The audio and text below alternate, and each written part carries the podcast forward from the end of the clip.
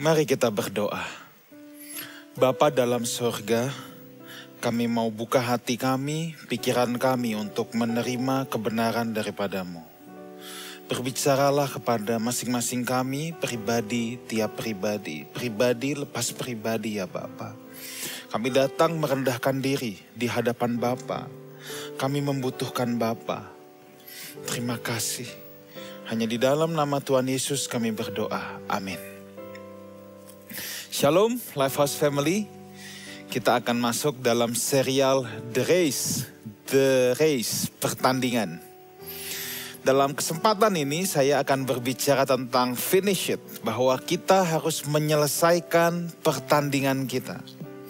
Mari kita buka Alkitab kita sama-sama dari Ibrani pasal 12 ayat yang pertama. Ibrani pasal yang ke-12 ayat yang pertama. Karena kita mempunyai banyak saksi bagaikan awan yang mengelilingi kita. Marilah kita menanggalkan semua beban dan dosa yang begitu merintangi kita. Dan berlomba dengan tekun dalam perlombaan yang diwajibkan bagi kita. Saudaraku, setiap kita memiliki sebuah race yang telah Tuhan sediakan, memiliki sebuah pertandingan yang Tuhan telah sediakan. Menariknya gini, saudara, rute setiap kita itu beda-beda, tetapi tujuan dari semua pertandingan setiap kita itu sama.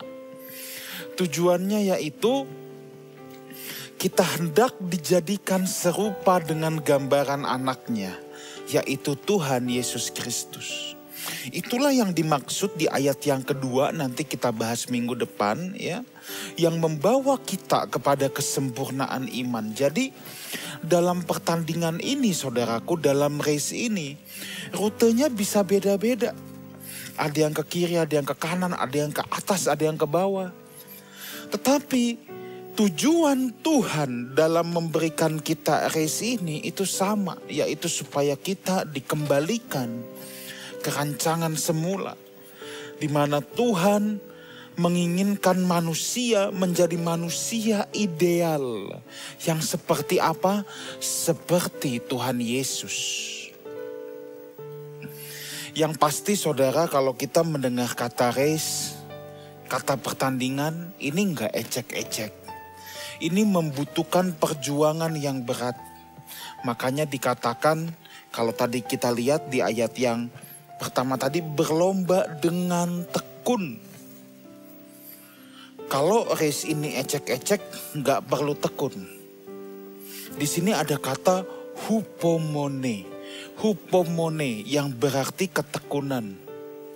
Perseverance endurance, perlu ketahanan. Tapi yang menarik saudara, di kamus ada endurance, ada perseverance, tetapi juga ada ini, cheerful, hopeful. Jadi bukan saja ketekunan, ketahanan, yes ini berat, yes ini butuh perjuangan, tetapi harus dijalani dengan sukacita dan penuh pengharapan. Ada cheerful, ada hopeful.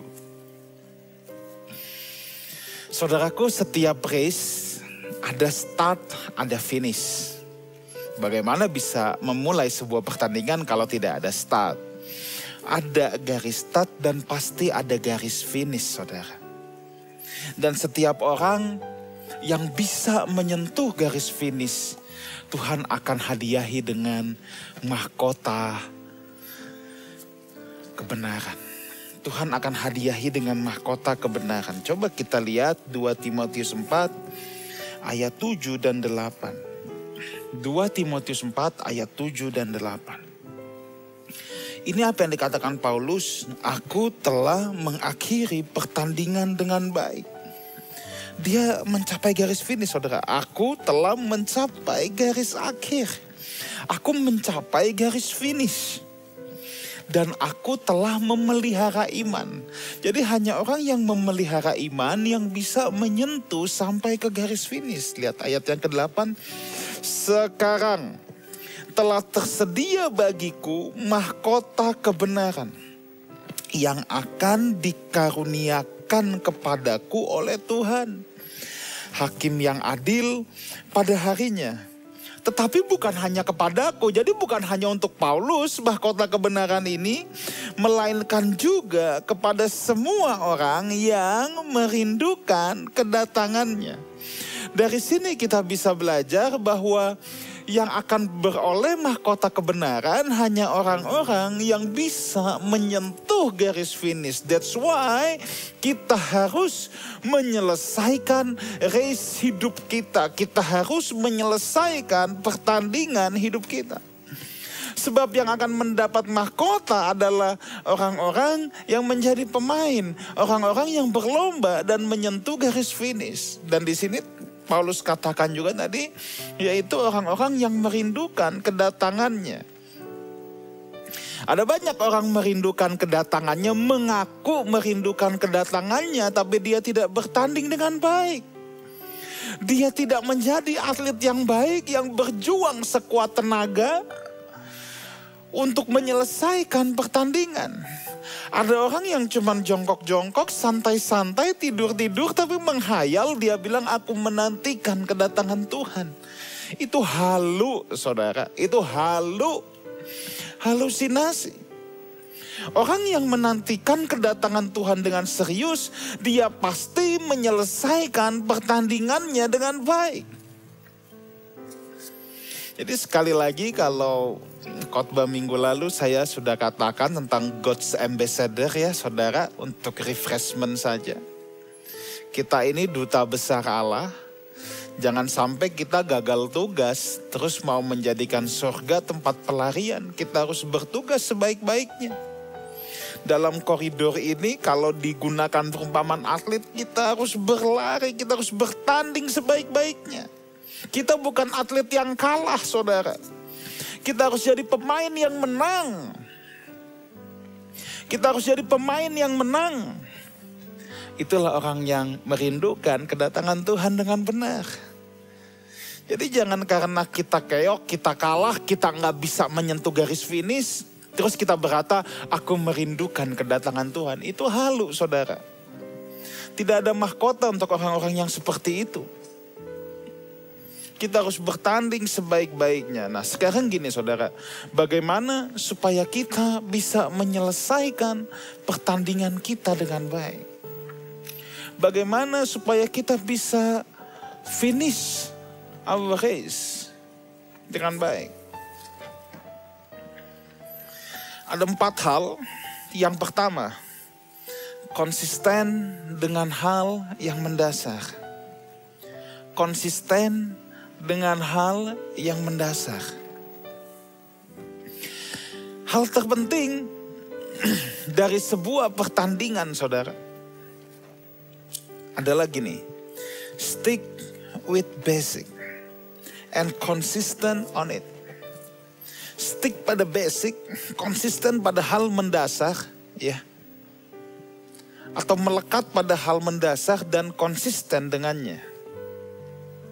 Contoh, kalau pertandingan lari, apa itu consistent with the basic? Ikat tali sepatu. ya, ini basic. Tapi kalau orang tidak mengerjakan ini, dia bisa berbahaya, bisa terjungkal dan dia tidak bisa menyelesaikan pertandingan dengan baik. Kalau dia tidak mengikat tali sepatunya. Ini basic, mungkin remeh-temeh saudara. Tapi kita suka lupa kepada hal yang kelihatannya remeh-temeh. Hal-hal yang basic, hal-hal kecil ini kalau tidak dilakukan dengan konsisten itu bisa justru menyebabkan kecelakaan hebat. Ya, mungkin remeh-temeh. Saudara bilang, hah menyelesaikan pertandingan ikat tali sepatu? Iya. Itu hal basic, yet it is very important. Itu sangat basic, tapi itu sangat penting. tanpa hal yang mendasar ini, wah bisa-bisa celaka saudara. Maka kalau saudara lihat pertandingan sepak bola, kalau talinya lepas cepet-cepet diikat.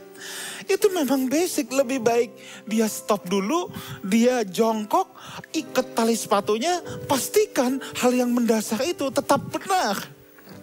Sebab kalau hal yang mendasar itu tidak benar, itu bisa mendatangkan sebuah malapetaka. Nah, persoalan dengan kehidupan kekristenan kita, kita suka melupakan hal-hal yang mendasar. Kita coba hal yang fancy, kita coba hal yang complicated, dan kita lupakan hal yang paling basic.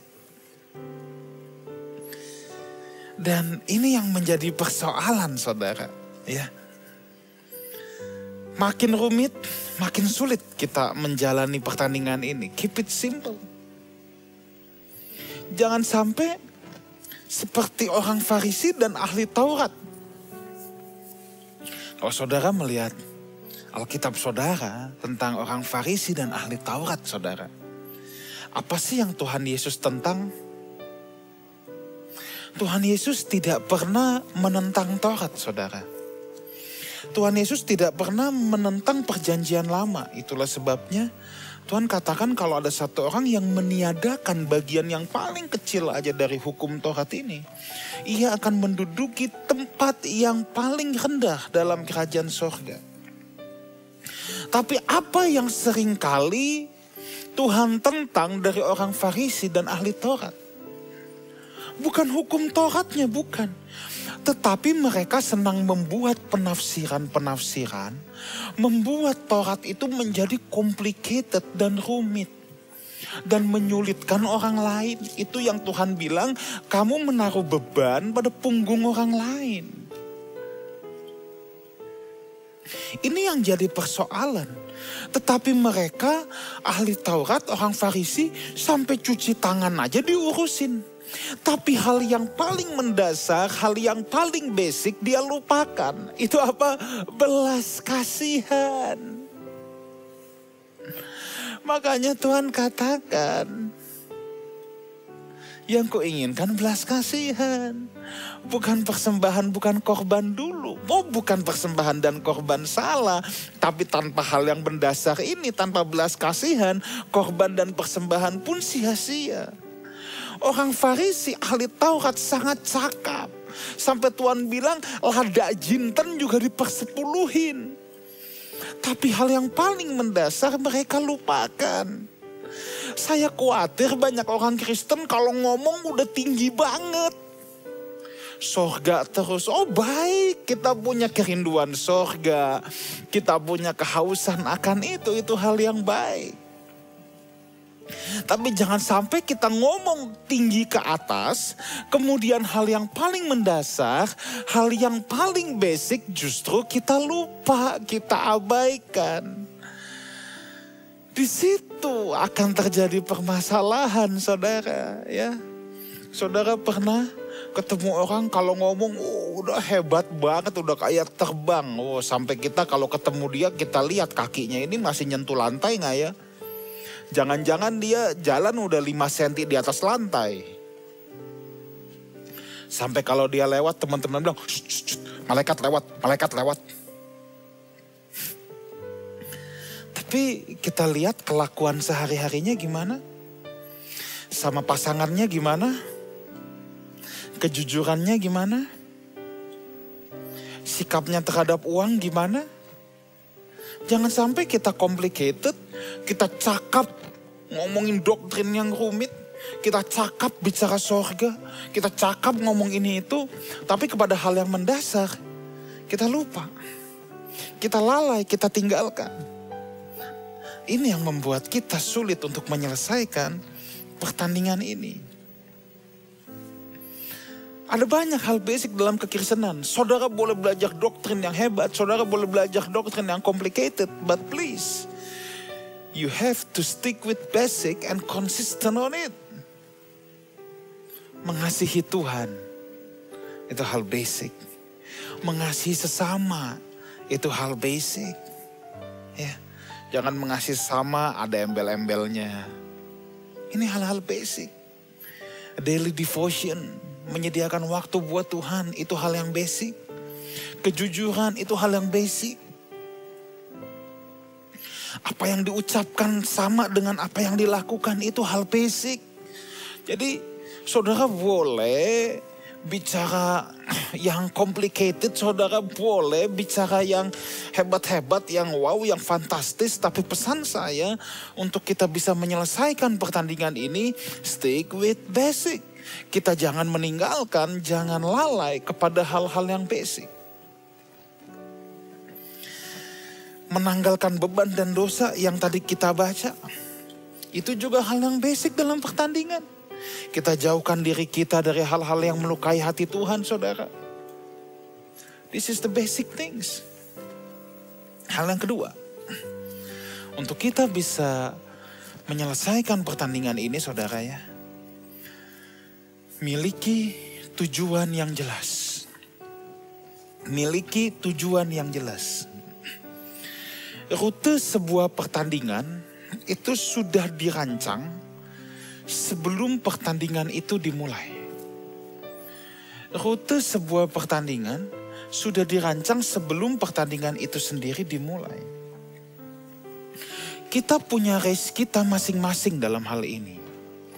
Dan saya harus tekankan kepada saudara dalam pertandingan iman, kita tidak berkompetisi dengan orang lain. Kita berkompetisi dengan diri kita sendiri. Saudara tidak kompetisi dengan orang lain. Saudara berkompetisi dengan diri saudara sendiri. Bagaimana saya harus bisa menyelesaikan pertandingan ini? Karena saudara tidak berkompetisi dengan orang lain, so don't compare yourself with others. Jangan membandingkan diri saudara dengan orang lain. Dan jangan mengekspek orang lain menjadi sama seperti kita. Itu yang Paulus bilang ada di kitab Roma itu ada yang namanya ini ukuran iman. Ukuran iman si A, si B, si C itu beda. Setiap kita punya kapasitas yang berbeda, tetapi kita punya tanggung jawab dalam menyelesaikan pertandingan ini kita punya tanggung jawab untuk menjadi yang terbaik yang bisa kita jadi. That's our responsibility. Our responsibility bukan urusin orang lain. Our responsibility bukan membandingkan diri kita dengan orang lain. Our responsibility bukan suruh orang lain menjadi sama dengan diri kita. Kita punya ukuran iman kita masing-masing. Lebih baik kita bergumul, How is your personal progress? Bagaimana dengan progres pribadi kita? Kalau diri kita sendiri mundur, jangan-jangan kita salah arah saudara dalam pertandingan ini. Jangan-jangan kita berjalan dalam wrong direction. Ingat, tujuan pertandingan ini yang tadi saya sudah katakan hanya satu, menjadi seperti Kristus. Saudara jangan punya tujuan yang lain, nanti finishnya lain. Kalau orang Kristen berpikir aku jadi Kristen supaya diberkati, aku jadi Kristen supaya ini, supaya itu, supaya disembuhkan, supaya ini, supaya itu. Jangan-jangan kita punya tujuan yang lain. Kalau kita punya tujuan yang lain, sudah dapat dipastikan kita sedang berlari kepada arah yang salah. Dan kita tidak bisa menyentuh garis finish itu. Karena it's wrong direction. Seperti yang minggu lalu saya katakan, Christianity is not bless me club. Christianity is not bless me club. Ini bukan bless me club. Kekristenan itu hendak mengubah karakter saudara untuk menjadi seperti Yesus Kristus. Itulah tujuan pertandingan ini. Rutenya sudah diset dan jangan salah arah. 1 Korintus 9 ayat yang ke-26 saudara. 1 Korintus 9 ayat yang ke-26. Sebab itu aku tidak berlari tanpa tujuan. Dan aku bukan petinju yang sembarangan saja memukul. Paulus berkata kalau tadi berkata sama Timotius bahwa dia menyentuh garis akhir. Sekarang di Korintus dia katakan, aku memang atlet, aku berlari. Tapi aku tahu direction. Aku tahu tujuanku yang jelas. Persoalannya adalah banyak orang tidak tahu wujud tujuannya. Banyak orang tidak tahu tujuannya. Mereka jadi Kristen dengan tujuan, tujuan yang lain. Makanya bisa punya banyak motif, bisa punya banyak agenda di balik kekristenannya. Dan pada kesempatan ini saya mau mengajak Bapak Ibu Saudara sekalian untuk kita kembali ke tujuan kita yang semula. Ada catatan penting lagi tentang tujuan ini. Tuhan tidak beritahu segala sesuatu tentang ris saudara. Ya. Tuhan tidak memberitahu segala sesuatu tentang ris kita. Kenapa? Supaya kita tetap bergantung dan in touch dengan dia. Tapi yang Tuhan pasti berikan adalah directionnya.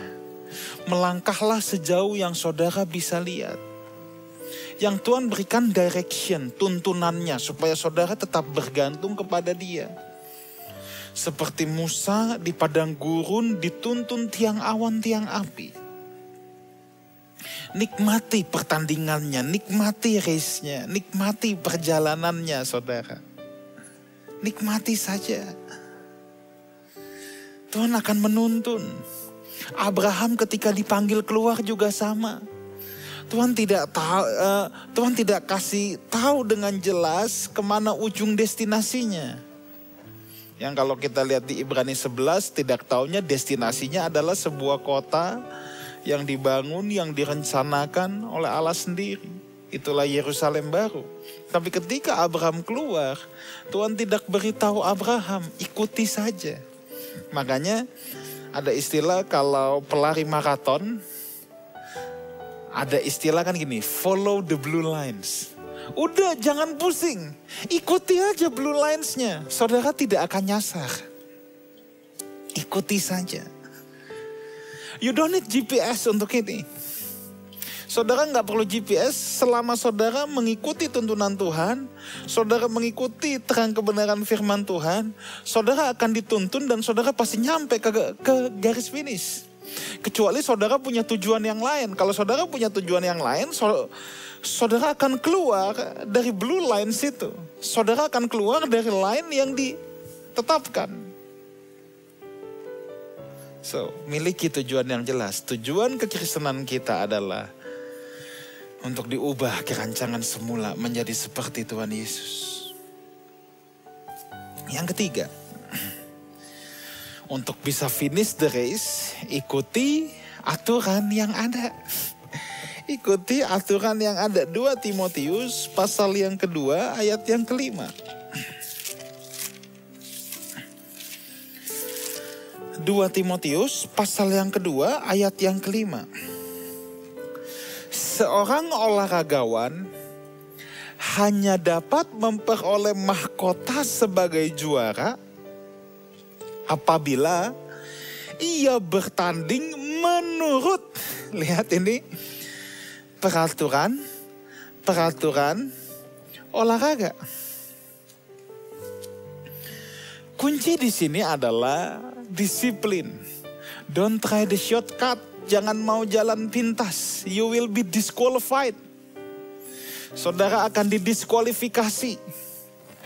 Saya ingat saudara Dulu waktu saya masih SMP, saya paling sebel kalau ke lapangan banteng terus lari.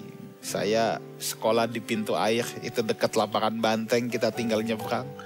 Hampir tiap minggu ke lapangan banteng.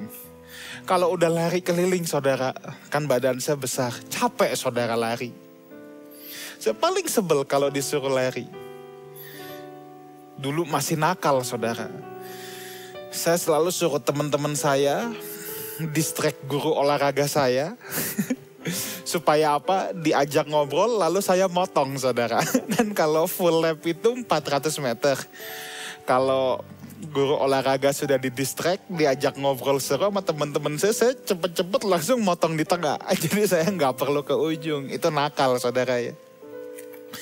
Kalau dalam pertandingan itu akan langsung didiskualifikasi, enak aja mau motong jalan. Ikuti aturan yang ada. Hidup Kristen itu butuh kedisiplinan. Menyediakan waktu harian dengan Tuhan itu butuh kedisiplinan. Awalnya tidak menyenangkan, tetapi kalau saudara sudah menyadari bahwa akhirnya memang yang bisa mengisi rongga kosong dalam hidup saudara hanya Tuhan. Saudara akan menemukan waktu bersama Tuhan sebagai waktu yang menyenangkan. Bukan lagi waktu yang menyebalkan tetapi waktu yang menyenangkan. Sama saudara. Ketika orang pertama kali berolahraga pasti menyebalkan saudara. Kebetulan kita suka jalan pagi di PIK. Saya kalau nggak sempat jalan pagi biasa saya treadmill sendiri Seingat waktu awal-awal itu hal yang menyebalkan. Tetapi ketika kita menjalani terus dengan disiplin, kita akan menemukan, no, ini tidak menyebalkan, ini menyenangkan. ini hal yang menyenangkan justru, bukan hal yang menyebalkan, saudara ya. Ini hal yang menyenangkan. Badan kita lebih fit, pikiran kita lebih fresh, dan lain sebagainya. Kita kembali ke satu Korintus tadi, pasal 9. Ayat yang ke-25. Tiap-tiap orang yang turut mengambil bagian dalam pertandingan, menguasai dirinya dalam segala hal. Ya, menguasai dirinya dalam segala hal. Mereka berbuat demikian untuk memperoleh suatu mahkota yang fana, tetapi kita untuk memperoleh suatu mahkota yang abadi. Menguasai diri dalam segala hal itu perlu disiplin, saudara. Atlet tidak bisa menuruti emosinya. Dia kesel, dia tinju pemain lain. You out from the game. Itu nama tidak ada penguasaan diri. Saya ingat di Piala Dunia tahun berapa itu? Yang Zinedine Zidane ketika dia kesal, dia tidak bisa mengontrol dirinya, ditanduk Materazzi. Marco Materazzi itu final Piala Dunia tahun berapa saudara? 2006 atau 2010? Saya lupa. Tapi yang jelas ketika seorang pemain bintang sekalipun padahal sudah tampil cemerlang sepanjang pertandingan bahkan mencetak gol. Tetapi ketika tidak bisa menguasai diri, menuruti emosi, dihajar pemain lain, you out. Sebab ada aturan. Di sini juga sama. Tidak peduli seberapa pandai saudara, seberapa bertalenta saudara, seberapa berkarisma saudara, seberapa saudara pintar omongin doktrin. Tapi kalau saudara tidak bisa menguasai diri, saudara akan didiskualifikasi oleh Tuhan. It doesn't matter. Saudara bisa hafal Alkitab, baca bulak-balik. Khotbah puluhan kali, ratusan kali, satu bulan. Tidak peduli. But if you cannot control yourself, kalau saudara tidak punya kedisiplinan, kalau saudara tidak mengikuti aturan yang ada yang Tuhan tetapkan, you are disqualified. Itu sebabnya talenta hebat tanpa disiplin penguasaan diri akan menghancurkan kita. Ada orang yang pandai cari uang, wah itu kan juga talenta, that skill. Tapi tanpa penguasaan diri, dia gunakan itu untuk memuaskan nafsunya, itu akan membinasakan dia. Ada banyak orang dengan berbagai macam skill hebat. Tetapi tanpa pengendalian diri, itu bisa menghancurkan hidupnya. So, disiplin pengendalian diri adalah hal yang sangat penting. Kalau saudara mau finish the race, ikuti aturan yang ada. Hanya orang yang disiplin, yang bisa mengendalikan diri, yang bisa mengikuti aturan yang ada. Jadi saya ulangi yang pertama tadi, konsisten dengan hal yang mendasar, state with basic and consistent on it. Yang kedua, miliki tujuan yang jelas. Yang ketiga, ikuti aturan yang ada dengan disiplin dan penguasaan diri. Yang keempat, yang terakhir, ini sangat penting juga. Enjoy your race. Enjoy your journey. Pertandingan iman ini saudara harus jalani dengan cheerful, dengan hopeful yang tadi kita baca ya yang tadi kita baca saudara ya. Memang ada endurance hupomone itu ada endurance ada ketahanan ada perseverance ada ketekunan tapi juga cheerful and hopeful. Kenapa kita harus jalani ini dengan enjoy? Seorang olahragawan yang baik saya sangat senang ketika Paulus sering kali menggunakan olahragawan seorang olahragawan yang baik, saudara, dia bukan hanya bisa melakukan pertandingan atau menjalankan pertandingan, but they have to enjoy it. Mereka harus bisa menikmati game itu. Kalau mereka tidak bisa menikmati game itu, if they don't love the game, mereka akan sulit menyelesaikan pertandingan itu dan tidak akan bisa tampil maksimal.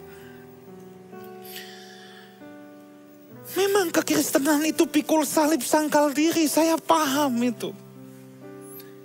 Ya, kalau saudara menjalaninya dengan 5L, lemah letih lesu loyolong lunglai, ya.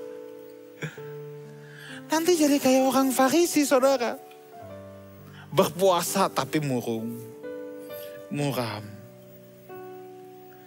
Jalani kekristenanmu dengan sukacita. Yes kita harus pikul salib, yes kita harus sangkal diri.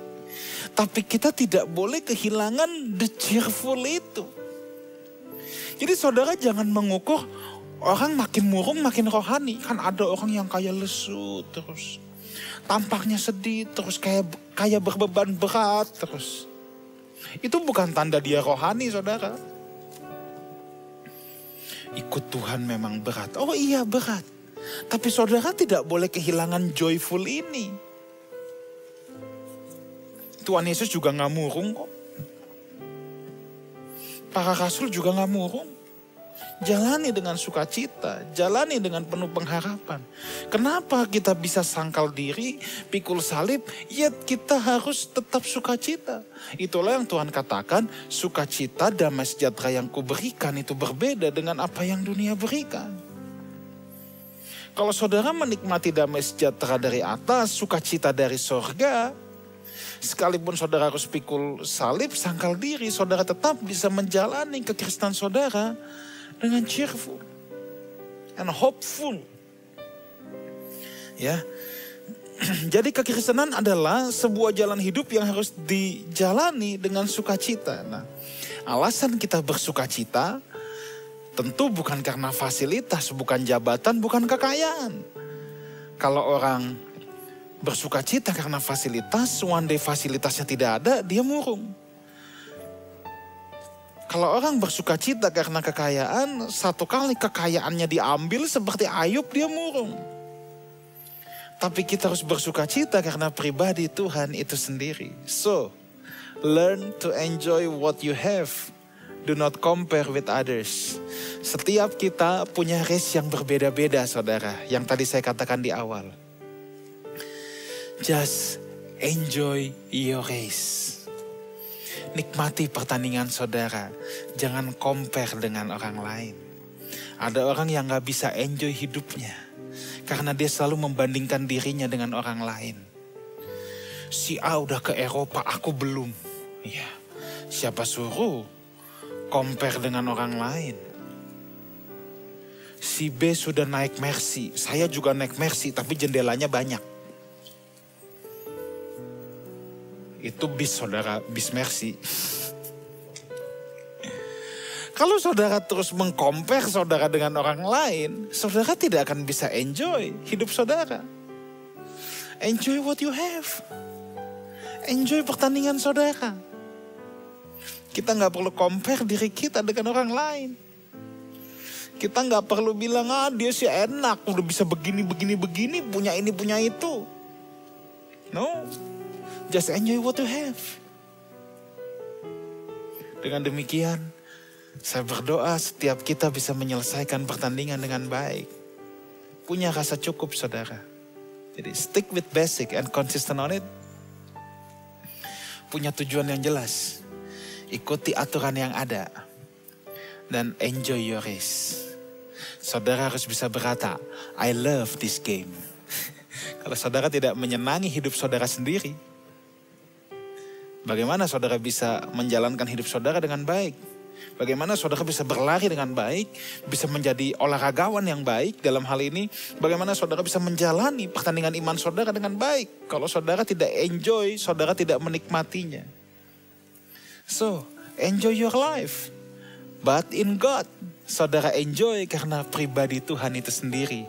Bukan karena apa fasilitas saudara, bukan karena apa yang saudara punya. Tapi saudara enjoy itu karena pribadi Tuhan sendiri. Kalau saudara enjoyment saudara berasal dari Tuhan, baru saudara bisa menikmati apa yang saudara miliki secara proper. Kiranya Tuhan memberkati kita semua. Haleluya. Mari kita berdoa. Bapa dalam sorga, hambamu berhenti berbicara. Aku berdoa supaya setiap kami bisa menyelesaikan pertandingan iman kami, pertandingan hidup kami dengan baik. Bapak, Aku berdoa kepada setiap kami yang menyaksikan pemberitaan firman ini. Biar mereka semua boleh dikuatkan, boleh dicelikan mata rohaninya. Dan sekarang, angkatlah kedua belah tanganmu dan terimalah berkat Tuhan. Kiranya berkat dari Allah Bapa, cinta kasih, kasih karunia dari Tuhan kita Yesus Kristus, dan persekutuan yang indah dan yang manis dengan Roh Kudus menyertai kita semua. Sampai Maranatha, Tuhan Yesus datang untuk yang kedua kalinya. Menjemput orang-orang yang hidup berkenan kepadanya. Sama-sama kita katakan, amin. Happy Sunday, God bless you all.